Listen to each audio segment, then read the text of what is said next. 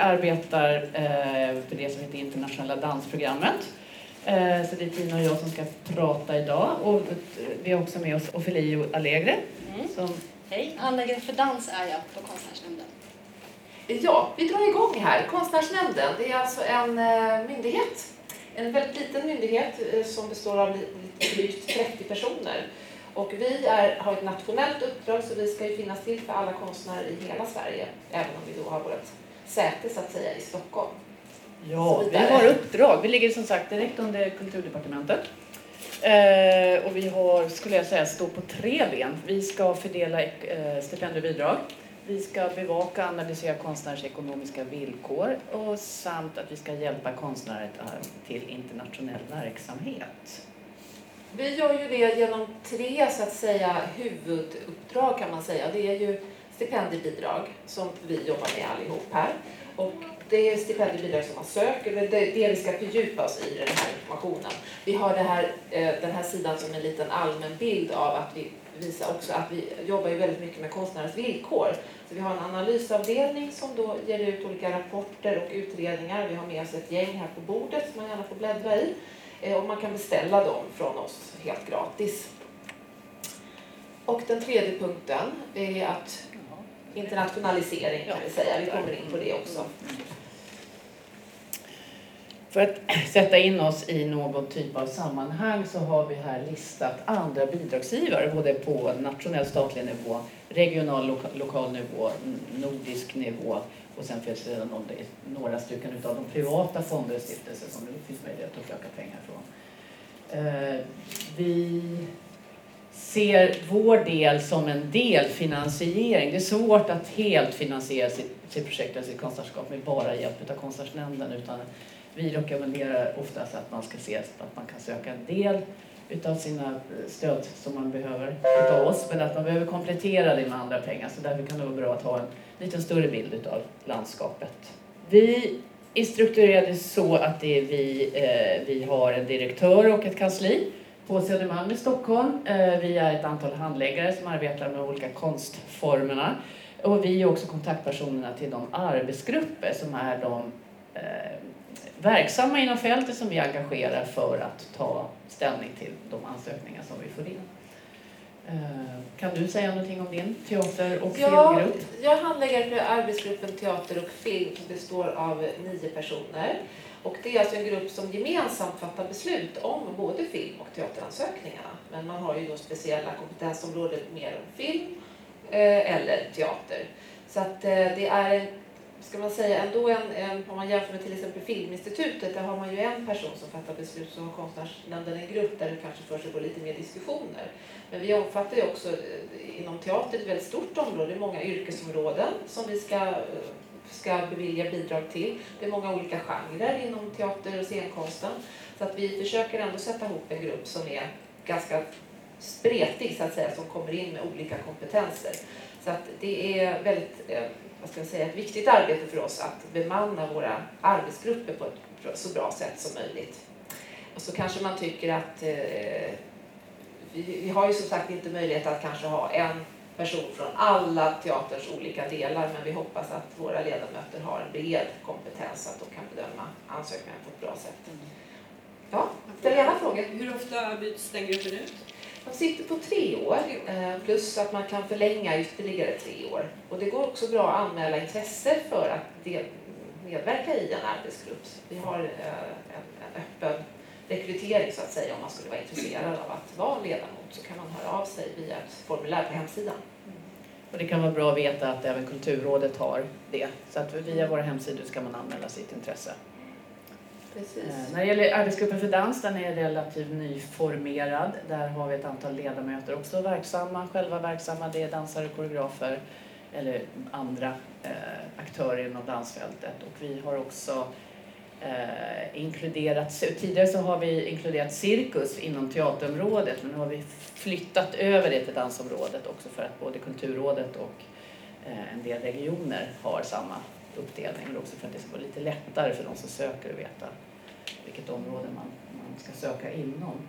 Eh, vi får in ungefär 8000 ansökningar per år. Eh, det som är speciellt med Konstnärsnämnden är att man, den som söker hos oss ska vara enskild konstnär. Det vill säga vi, vårt uppdrag är att vi ska stödja enskilda individer som inte har mer än 50 i anställning. Så vi pratar om att man ska vara yrkesverksam och frilansande konstnär. Ha sin, vara bosatt i Sverige eller ha sin huvudsakliga verksamhet här. Cirka 8000 ansökningar per år, varav vi har möjlighet att eh, bevilja ungefär 2000 utav dem. Eh, vi har, det är ungefär 35 procent av våra ansökningar gäller interna, våra, de internationella stöd vi har.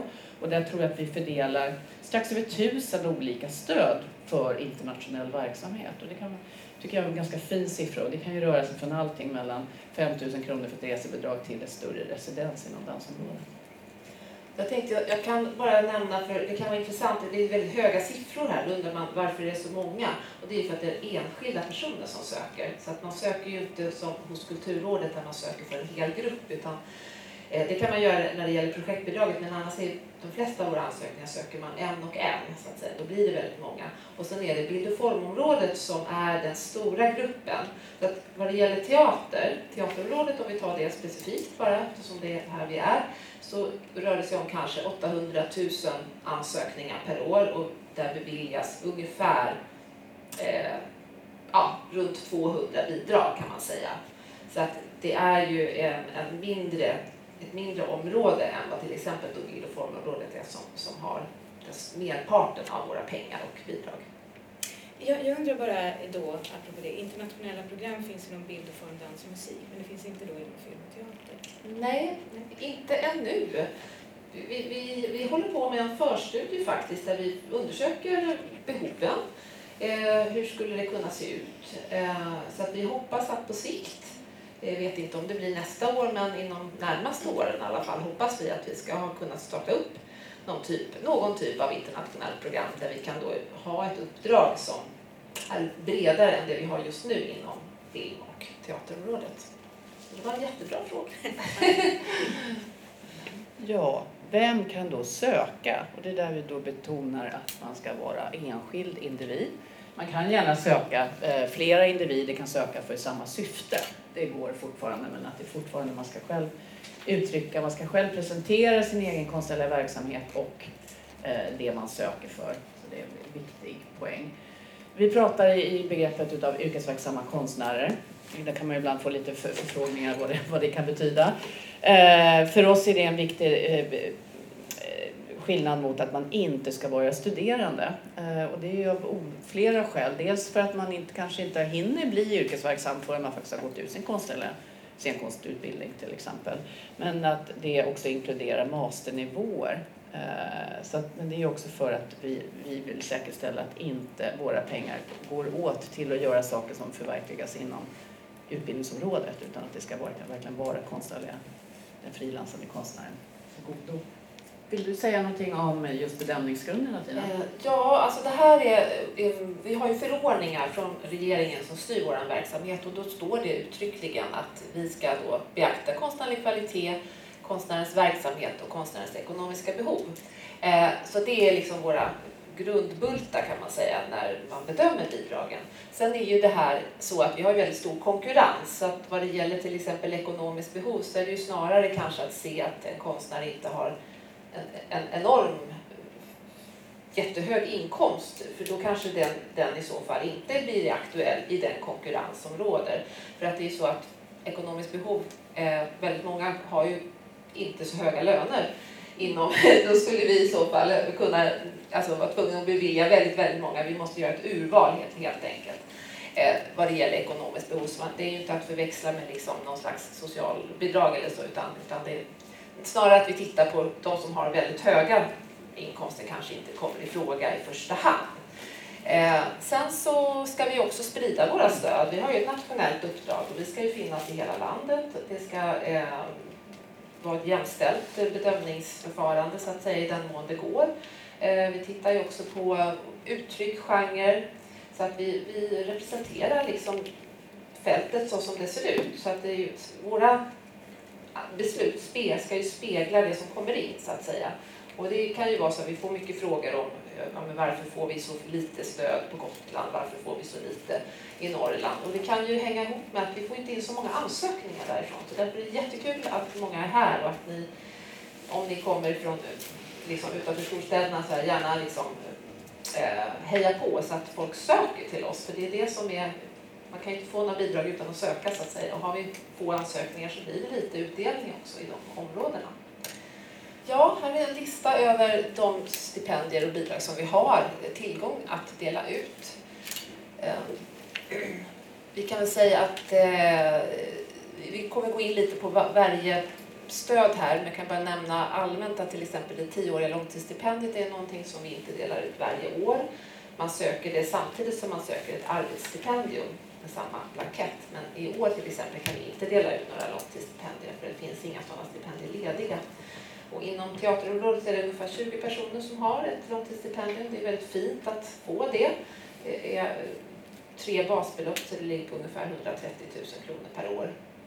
Och få det stipendiet. Och sen har vi, eh, hur är det med koreografstipendiet? Jo, det söker man va? Det söker man, just det. Ja, precis. Vi tar ar arbetsstipendiet eh, och det är ju jättebra att söka när man har varit verksam några år. Eh, för det är ett fritt stipendium där du inte behöver återredovisa tillbaka vad du har gjort för pengarna. Utan det är för att du ska kunna fortgå som konstnär och kunna utveckla dig och kunna jobba med ditt konstnärskap. Eh, och inom teater så är det 70 000 kronor per år. Eh, femårigt stipendium är på 100 000 kronor per år. Men det är mest ettåriga stipendier som delas ut. Och det här söker man i april. Eh, så att kika gärna in då. Projektbidraget, eh, det är ju precis som det låter, ett bidrag för ett specifikt projekt. Inte att förväxla dem med arbetsstipendiet som inte behöver kopplas till ett speciellt projekt utan det är ett mer allmänt stipendium. Projektbidraget ska vara avgränsat, det ska ha en budget, det ska ha en tidsplan och där kan man även då som söka för kollegor. Eh, så det är det bidraget där man kan då omfatta fler personer än sig själv. Eh, och då kan man också tänka så här, ja men det projektbolaget brukar ju producenterna söka de där pengarna till gruppen och så vidare. Men här är det den konstnärliga, en konstnär som ska söka. Så det är oftast regissören, kan det vara skådespelare, kan vara scenograf, någon som driver ett projekt. Och då kan man söka för lön till sin producent. Så man söker liksom lite omvänt mot vad man kanske brukar göra. Om man får ett eh, projektbidrag så är det så att det är skattepliktigt. Eh, så man ska tänka på det när man hämtar ut och man får gärna ringa och fråga vad man undrar hur ska jag göra nu när det är skattepliktigt. Jag ska ju inte bara ta ut det som lön, man kanske har andra kostnader som man ska använda bidraget till. Och där ska man återredovisa vad man har gjort för, för de här pengarna. Eh, och vi delar ut ungefär 35 inom teater och inom dans 30 kanske, eller? 34 i år. 34. Du får gärna om du vill fylla i någonting. Ja, förlåt. Ja. Vi kan ta frågan först. Så blir det beskattat två gånger då? Det Eh, ju- Både av de som har fått ett honorar, om det är producenten får ett honorar eh, och ska, den Det personen det ska ju beskattas. Och, Precis, det vill man ju undvika. Så det Ja. ska ju inte vara så. Det är därför det är en bra fråga först. Hur ska jag göra när jag hämtar ut det? Vår rekvisitionsblankett. Så att där har vi möjlighet att fylla i vad man själv tar ut som lön och vad man ska ha som omkostnader. Mm. det är viktigt att det som går till lön till någon annan då beskattas av den personen.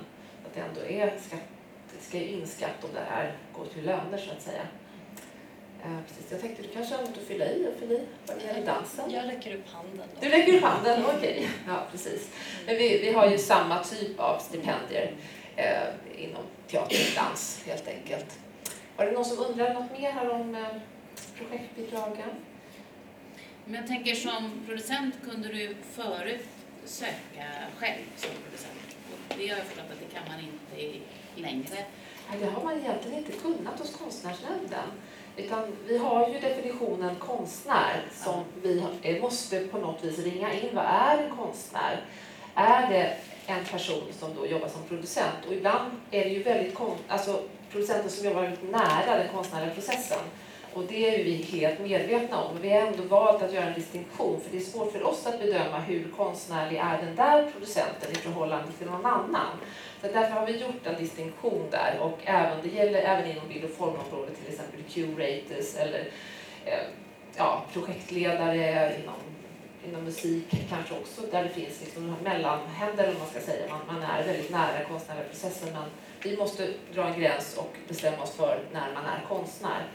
Men som sagt, just i projektbidraget så kan ju producenten ingå i budgeten och bli avlönad så att säga. Och, och där är ju viktigt, vi eh, bollar ju ganska många konstnärer också vidare till, till Kulturrådet. För där söker man ju inte, det kan man ju inte söka som enskild firma, alltså enskild individ, utan det är ju där man söker som grupp eller kompani och det är där producenten också kan, eller kompaniet själv som står som avsändare. Ja, precis. Men den frågan får vi ofta. Så att det, det, det, är inte, det är inte så lätt att hålla reda på eftersom producenten många gånger sitter och gör många ansökningar naturligtvis. Sen får man ju gärna be sin producent om hjälp när man gör sin ansökan. Det är ju inget som, som det går ju jättebra naturligtvis att man hjälps åt med Men av, avsändaren är alltid den enskilda konstnären eftersom våra eh, ansökningsblanketter också är organiserade på det sättet att man loggar in med sin egen bank-ID. Sen kan man ju alltid tillsammans med producenten göra ordning underlaget som man sedan skickar Absolut. iväg som Precis. avsändare. Mm. Precis, här var en liten lathund. Ehm, det är ju alltid, eftersom det är väldigt många ansökningar, det är runt 150 som söker projektbidrag, så är det ju en stor omgång vi har. Vi tar ett beslut om året. Så att det är inte löpande utan det är ett ansökningstillfälle och så är det ett beslut. Eh, så att det är bra att man är tydlig i sin ansökan och lite, tänka lite pedagogiskt så att det är lätt att förstå vad det är man vill göra helt enkelt. Liksom, man kan vara ganska konkret när man skriver och, och beskrivande. Så att det snabbt går att få en uppfattning vad det är för projekt och vad, vad man har för avsikt, vad man har för ingång i projektet, vilka ska man samarbeta med, var kommer projektet att äga rum. Eh, och sen kan vi också stödja projekt som befinner sig i olika stadier. Vi kan ju stödja ett- en, kanske en workshop som är en inledning till ett större projekt. Då, då kan ju vi stödja kanske bara en workshop. Det behöver inte vara hela produktionen. Eh, så att det kan man ringa och höra sig för också om man undrar. Eh, och arbetsprover betonar vi, det är ju numera så att det finns så mycket att titta på överallt på nätet. Eh, så att det är viktigt med det här visuella och att kunna visa eh, antingen från det aktuella projektet eller någonting man har gjort tidigare. Så det är ett tips liksom till er som jobbar att, att liksom försöka dokumentera vad ni gör liksom och, och gärna klipp ner till liksom de här bästa fem minuterna som man vill visa så att man inte sitter och tittar på den där sega inledningen som var lite tråkig där i början, tio minuter. Och då kanske våra ledamöter faktiskt inte har tid att titta i en och en halv timme utan man vill titta på det där bästa. Så att det, det är jättebra att man själv tänker på det. Och en, en viktig sak att veta är ju att våra, våra ledamöter eh, är bosatta på olika delar i Sverige, det vill säga alla ledamöterna går inte och ser alla föreställningar på alla orter och därför är det viktigt att de också har samma material att, ha, alltså att, att titta på, att eh, bereda. Så det, av det skälet är det också viktigt att allting ligger i er ansökan. Så att även om ni brukar söka hos oss så är det allt material i just den specifika ansökan som gäller. Så att det sparas inte under ert personnummer Nej. där man går, går in och kollar på gamla arbetsprover utan allting måste finnas i varje respektive ansökan. Precis, men man kan ju lämna länkar och lägga saker på Vimeo till exempel ja, om man har en film och man kan få hjälp med det. Eller om man har en hemsida så är det också jättebra att beskriva precis vad på hemsidan i så fall man helst vill att man ska titta på så att säga. Um, är det något ni undrar där? Skriver ni projektbeskrivningar och sådär när ni gör grejer? Några nickar. Ja. Det är bra. Jag har en liten fråga. Jag vet inte om den ska komma nu eller kanske passar bättre till en annan bild. Eh, Men jag ställer den nu. Ehm, och eftersom ni har det här uppdraget eh, då över hela landet och, och det finns vissa perspektiv som ska in när det gäller projektansökningar som mångfald och liksom, eh, sådär. Hur und... Det här är en, en, en, en eh, svår fråga att svara konkret på kanske, men för det är någonting som jag kan fundera på de väldigt få gånger som jag har sökt bidrag. Men så här, hur undviker jag att det framstår som jag bara bockar av i kanten, liksom, de här checkarna om man säger så. För ibland så kan jag känna så här, ja men det finns med, det här finns med i, i, i, i produktionen. lite av sig själv därför att ensemblen ser ut på ett visst sätt eller budskapet i den här föreställningen rör människan, liksom så lite flummigt. Och det är människor är vi allihopa. Liksom. Men så känner jag mig tvingad att så här, och då kan jag känna mig lite skriven. Och hur känner ni när ni tar del av en projektansökan? Hur, hur undviker ni det, att det blir något mer än en check om ni förstår? jag tycker det låter som du beskriver Kulturrådets blanketter. Ja, det kanske jag gör. Ja, för så, våra blanketter är inte, där kan du inte svara på det sättet. Då är det nog så kanske. Nej, men precis. Sen är det ju, jag tänker de här, de här eh, eh, rubrikerna som tips lite till projektbeskrivningen, det är ju mer att vi har med det om man kanske inte är så van att tänka i dem. Då får man många gånger svar på ganska många frågor om man ställer sig de frågorna som finns i en projektbeskrivning. Eh, och till exempel vad det gäller målgruppsarbete, Mm. eh, det är ju en viktig del hos Kulturrådets blanketter. Där frågar vi inte Mm. efter det eftersom våra stöd är, ska ju gå till den konstnärliga utvecklingen i första hand. Det ska liksom gynna det konstnärliga arbetet. Så att vi, är inte, vi, är inte, vi tittar inte på målgruppen på det viset. Ibland kan det handla om en redovisning man gör av ett arbete. Inom dansen är det inte helt ovanligt alls. Att det, det kan vara så att man gjorde en studioredovisning för 20 personer och då var det det som blev så att säga. Eh, man kanske inte kom ända fram eller det var ett försöks, ett, ett mer experimenterande kanske. Eh, så att vi, om det var lite det du var, tänkte på, ja, så har vi inte de, som sagt, de Men jag tycker du ställer en, det är en väldigt bra relevant fråga för jag tror att den rör sig i, i mångas huvuden. Att, att man känner att man måste uppfylla vissa kriterier som är vissa politiska mål. Ehm, då tänker jag att, att det är bra att veta att, att vi ska ju också ha en spridning bland våra stöd, men du behöver inte stå för den spridningen. Du behöver inte uppfylla, du ska, behöver inte hålla på med barn och unga och, alltså, och i alla genrer så att säga. Eftersom vi tittar inte heller, precis som Tina betonar, riktigt på målgruppen utan det är ju mer den, liksom det uttrycket du har, att vi ska ha en spridning där. Och, alltså, visst att det ska vara ett demokratiskt perspektiv, men att var och en av ansökningarna behöver inte innehålla allt det här i detta utan det är blandningen av alla ansökningar som ska ge den här spridningen. Så att du ska ju göra det du vill, så att säga. Och sen ska någon annan göra så. Och där kommer, därmed, i det spannet ligger då sen spridningen. Så att det kan vara bra med sig. Men sen kan man väl ändå säga som så att det är ju naturligtvis eh, väldigt roligt och det vill ju, vi vill ju att det som görs av Konstnärsnämndens pengar är ju stat, statliga kulturbidraget statliga kulturbidrag. Det vill vi ju naturligtvis ska nå ut. Det är ju självklart så att säga. Det är ju det, är ju det som är själva syftet med att hålla på med scenkonst så att säga. Så att det är ju jätteroligt när vi ser att en föreställning verkligen har nått ut och att den har vuxit och att den liksom lever vidare kanske långt efter eh, de har fått, man har fått bidragen. Så det är ju naturligtvis jätte, jättebra. Så att är det så att man har kontakt med en teater eller man har liksom redan en plan för vad man ska göra, man har en vision kanske, man kanske inte är där ännu, så ska man naturligtvis skriva det. Så att allt sånt, lite förarbete när man söker ett projektbidrag till exempel, kan vara bra att ta lite kontakter innan.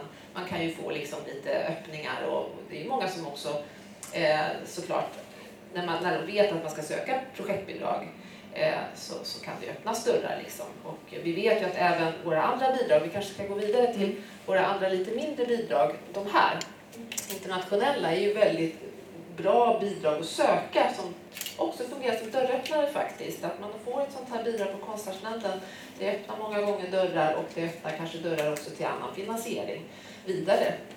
Så att eh, de här internationella pengarna, det, är ju för om du själv ska, ska röra på dig i, till utlandet eller om du har behov av att bjuda in någon person då från utlandet och ha samarbeten. Och det är ju också ett speciellt uppdrag som vi faktiskt har fått extra förtydligat i år. Och förra året så fick vi tillskott ganska rejält eh, i vår budget i, för alla konstområden. Just det internationella arbetet, det är det vi jobbar ganska prioriterat med just nu. Så det finns eh, lite mer pengar att söka och vi eh, är intresserade av att fler söker våra bidrag, skulle jag säga. Så. Men just, det- just det där internationella uppdraget som vi har, det har ju två aspekter. Det ena är att det är fortfarande konstnärlig utveckling som är grunduppdraget, men, eh, men också att eh, expandera arbetsmöjligheterna, det vill säga öka konstnärernas kontakter på internationella plattformar för att det också förhoppningsvis kan förbättra ens arbetsmöjligheter. Därför att vi i många fall är Sveriges gränser lite små och att man kan behöva gig och samarbeten utomlands för att få ihop ekonomin. Man kan väl säga en sak om det här med så, mm, andra punkten där. Vi, vi fattar beslut fyra gånger per år. Men då är det så här att man kan söka hela tiden. Så vi samlar ihop så att säga mellan två gånger. Då samlar vi ihop alla de ansökningar som har kommit in och fattar beslut. Så vi har två beslut på våren eh, och två beslut på hösten. Men det gör ju det att en del bidrag kan du få då efter ditt utbyte eller resa har ägt rum. Men du måste alltid söka innan du åker. För att blir du bjuden till ett gästspel till exempel, där du inte själv kan bestämma tidpunkten så att säga, eh, då söker man ett internationellt kulturutbyte. Är man flera stycken, man kanske är tre, fyra stycken, då söker man varsin ansökan. Och då kan det ju bli så att okej, vi, ska, vi ska spela i juli och vi fick inbjudan i maj. Sista ansökningsdag var slutet av april. Då söker man i alla fall.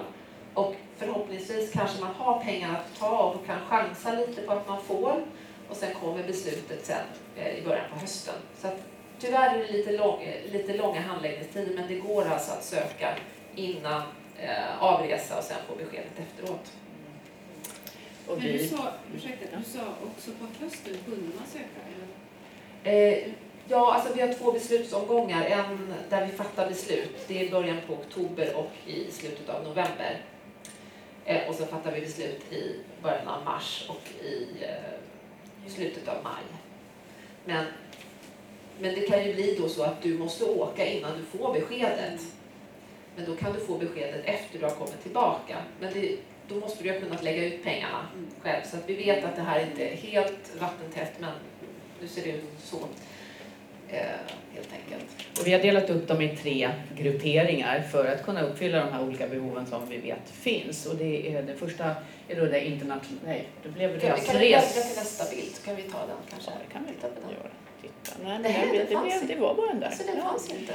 Vi har delat upp det med tre delar. Resebidrag är när du själv vill åka iväg. Det kan vara på eh, en researchresa eh, eller att du har anmält dig till en workshop i någon typ av fortbildning som du vill betala för att åka iväg under kanske några veckors tid. Eh, de här två som heter då internationellt kulturbyte, det är i utlandet det är när du själv har en inbjudan. En inbjudan det kan både vara från en person eller en organisation. Det kan vara en annan konstnär, det kan vara någon som vill att du ska visa din föreställning. Det vi vill se är inbjudan, det behöver inte vara fina stämplar på ett officiellt papper utan det är mer en bekräftelse på vad innebär det här utbytet? Vad står den inbjudande parten för eller står den inte för? Så att vi förstår i, synk att eh, ni får det här, alltså söker vi det här i, i den ansökan som ställs till oss så att man, man förstår relationen där. När det gäller internationellt kulturutbyte i Sverige så handlar det om att ni då som svenska, svenskbaserade konstnärer kan bjuda in en eller flera kollegor från utlandet för ett samarbete. Och det kan också vara på olika nivåer, på olika, i olika delar av den konstnärliga processen. Att träffas en första gång eller att också ha någon med i sin egen föreställning. Där skulle jag säga också att inom teater så är det varit väldigt lyckosamma sådana här utbyten faktiskt där man också bjudit in kanske någon expertis eller vad man ska säga, någon som är internationellt väldigt framgångsrik eller har, har speciella kunskaper inom till exempel dockteater eller någonting sådant. Va? Så, så, och så skapar man en workshop med ganska många som kan få ta del av den här personen som kommer. Det har vi ju haft flera sådana väldigt fina utbyten faktiskt. Eh, där, där man, men då ska man, jag vill nämna det att vi kan inte betala löner med det här bidraget. Så det är ju resa, Eh, uppehälle, boende och så vidare. Så att det är ju, eh, då måste ju de pengarna, om man då bjuder in någon, någon expert eller så från utlandet, så måste ju lönen komma någon annanstans ifrån. Så att det här är kostnadstäckning kan man säga för, eh, och även de här resorna ut. Så man får ju aldrig lön när man är ute och åker på våra pengar. Utan, men man kan få resan betalt och inom teatern så har det varit flera Eh, också resor där man åker kanske till eh, Berlin har ju varit väldigt, väldigt hot på teaterhimlen så att säga. Det finns väldigt mycket spännande scenkonst att ta del av. Då kan det ju vara att man åker kanske två, tre stycken i en grupp för att man vill ha en gemensam bas att stå på när man sen ska börja jobba. Så det har vi faktiskt beviljat. Men då ska en sån ansökan vara väldigt eh, noggrant gen, alltså genomtänkt. Så det är inte bara ren inspiration utan det ska ju verkligen framkomma vad är det man behöver ta del av för att man ska göra någonting sen hemma. Att det finns liksom en, en, ett tänk där. Men det, det kan ge ganska mycket också, tror vi. Några frågor kring det, de internationella? De är mycket lättare att få också, de här stöden, än projektbidrag och arbetsstipendier. Men eh, vi säger att man ska bjuda hit någon. Den personen får inte... Eh, alltså jag, jag kanske bjuder in som privatperson. Men vi säger att jag har ett syfte med att den ska liksom möta en organisation eller en eh, grupp ungdomar som är liksom en del av någon grupp. Får man inte göra så? I och med att det... Alltså det ska ju vara ett utbyte för dig som konstnär. Du ska ju ha del, vara del i det här utbytet. Det. Också så att säga, det ska ju vara ett konstnärligt utbyte. Eh, Du tänkte om man bjuder in för att den personen ska möta några som Nej, tänker jobbar med konst eller? Nej men jag tänker om det är så att den har liksom en arbetsmetod som jag, som jobb, om jag jobbar med ung, unga vuxna eller liksom barn och unga eh, och jag har en konstnär som också gör det och jag vill ta in den för att typ ha en workshop eller liksom eh, så. Det skulle vi Men, kunna men samarbetar då, ja. säger att jag samarbetar med en eh, organisation som jobbar med ungdomar så att jag slipper hitta dem. Ja, jo, men det skulle vi kunna söka om du är delaktig också så att säga så att det, här genererar någonting för ditt konstnärskap också så att säga. Vid sidan av att det då naturligtvis genererar någonting för, för den här gruppen som ni ska jobba med. Men det ska ju synas i din ansökan att det här är någonting som gagnar dig så att säga som konstnär. För det är ju vårt uppdrag att, att hjälpa konstnärer att utvecklas i sina konstnärskap så att säga. Så det är det som är grunden lite för, för allting liksom. Om man säger så. Vi har eh, internationella program då på bild och formmusik och på danssidan. Eh, lite kort uttryckt kan man säga att eh, när man har de internationella programmen så ska vi kunna arbeta mer främjande och mer, mer proaktivt som myndighet. När det gäller de mer, de mer traditionella stipendiebidragen så, så, mer, så baseras det på att ni som konstnärer skickar in era ansökningar till oss och vi tar ställning till dem. Alltså det finns mer svarar på tilltal. Medan i programformen kan vi tillsammans, tillsammans samarbeta med olika aktörer eller medlemsorganisationer eller liknande. Men det är fortfarande att vi har samma målgrupp som ska gynnas. Det vill säga på danssidan så är det dansare och koreografer. Eh, och vi hoppas ju då att vi i framtiden också har någon typ av motsvarighet på teatersidan.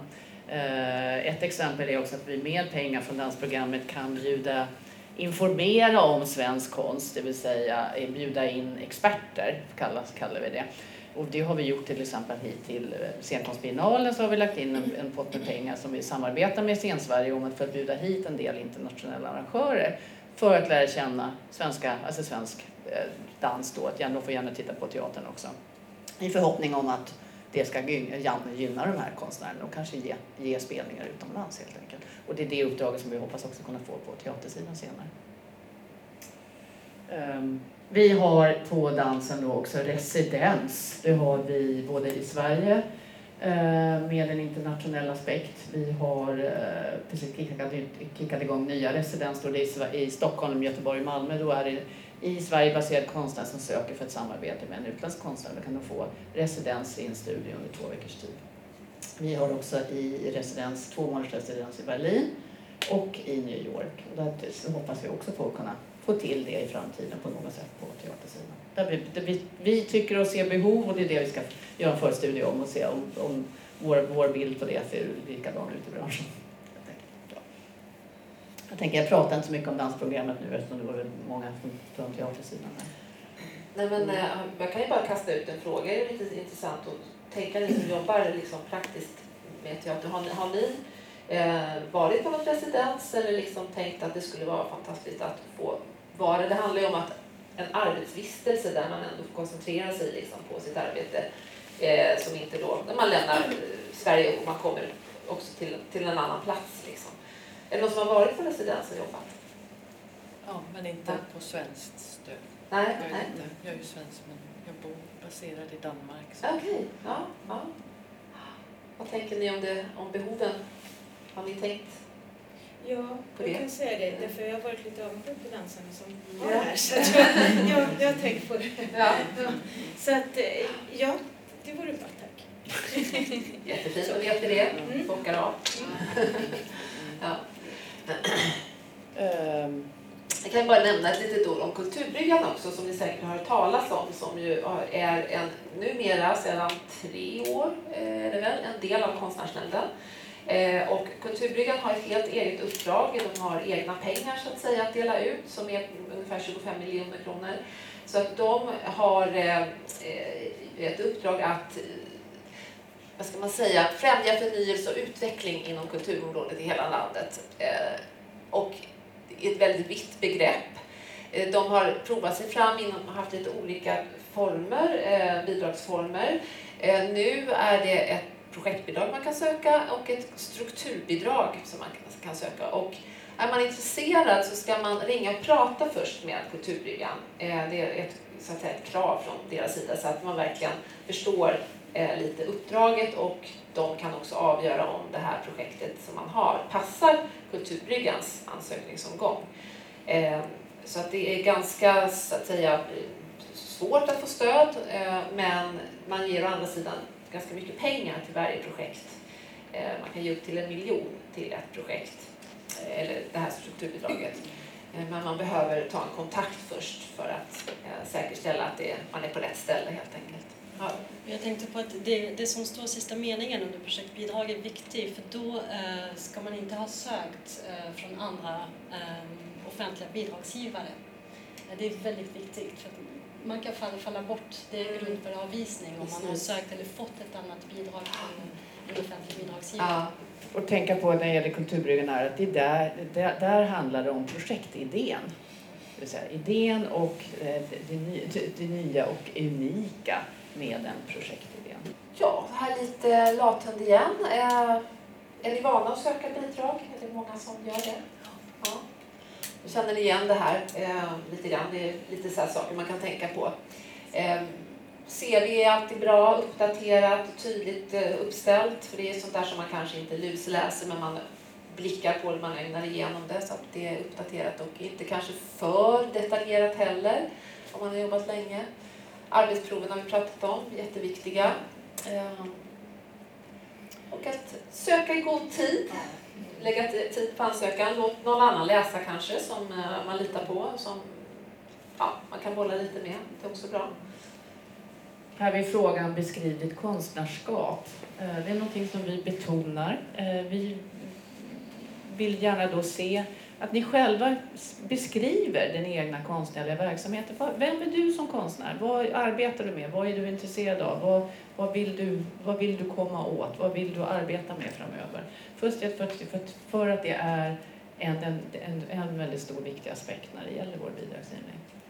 Eh, så den kan man gärna fila lite extra på. Eh, man kan också gärna tänka att, eh, även för någon som inte känner till mig, men genom min ansökan så ska man kunna få en ganska bra bild och kunna göra en bedömning av vad projektet eller vad man vill göra med sitt arbetsstipendium eller vad, vad man vill åt med sin resa. Mm. Och sen eh, sist men inte minst, ha lite tålamod. Det är många som får nej. Eh, man kan väl säga att vi stödjer eh, någonstans runt 20 procent och det betyder att det är kanske uppåt 80 procent i vissa omgångar som faktiskt får nej. Sen kan det vara i vissa omgångar, om till exempel internationellt kulturutbyte, resor, ibland har vi inte så många ansökningar, vi har kortare tid och då kan ju kanske upp till hälften få stöd. Eh, men det är bra att kom igen, sök igen, för att man har många gånger blivit diskuterad men kanske inte rymdes precis den gången. Eh, så att det är bara att liksom häng på igen. Och man kan också ringa och höra lite om det kanske var någonting i ansökan som var helt eh, obegripligt eller någonting som, som man skulle kunna förbättra till nästa gång. Så att, sök mycket, det är då man kan få mycket också. Här är våra, här är våra eh, kontaktuppgifter. E-mailadresser. Allting finns även på hemsidan. Eh, gå gärna in där, hör gärna av er. Eh, med frågor. Eh, en del, mycket, mycket svar, många svar finns redan på hemsidan, men om det är några specifika frågor så hör gärna av er. Så du någonting i början om procentsats vad det gäller frilanseri, man ska vara, arbeta Max 50 procent. Ja, alltså vi tänker oss att man, om, man, om, man skulle, om det är så att man är anställd med någonting helt annat eller man har en fast anställning så att säga på heltid, då ser inte vi att det är konstnärsnämnden som ska stödja just den konstnären som har en fast anställning. Är du anställd på halvtid så ser vi att du har en annan halvtid där du frilansar.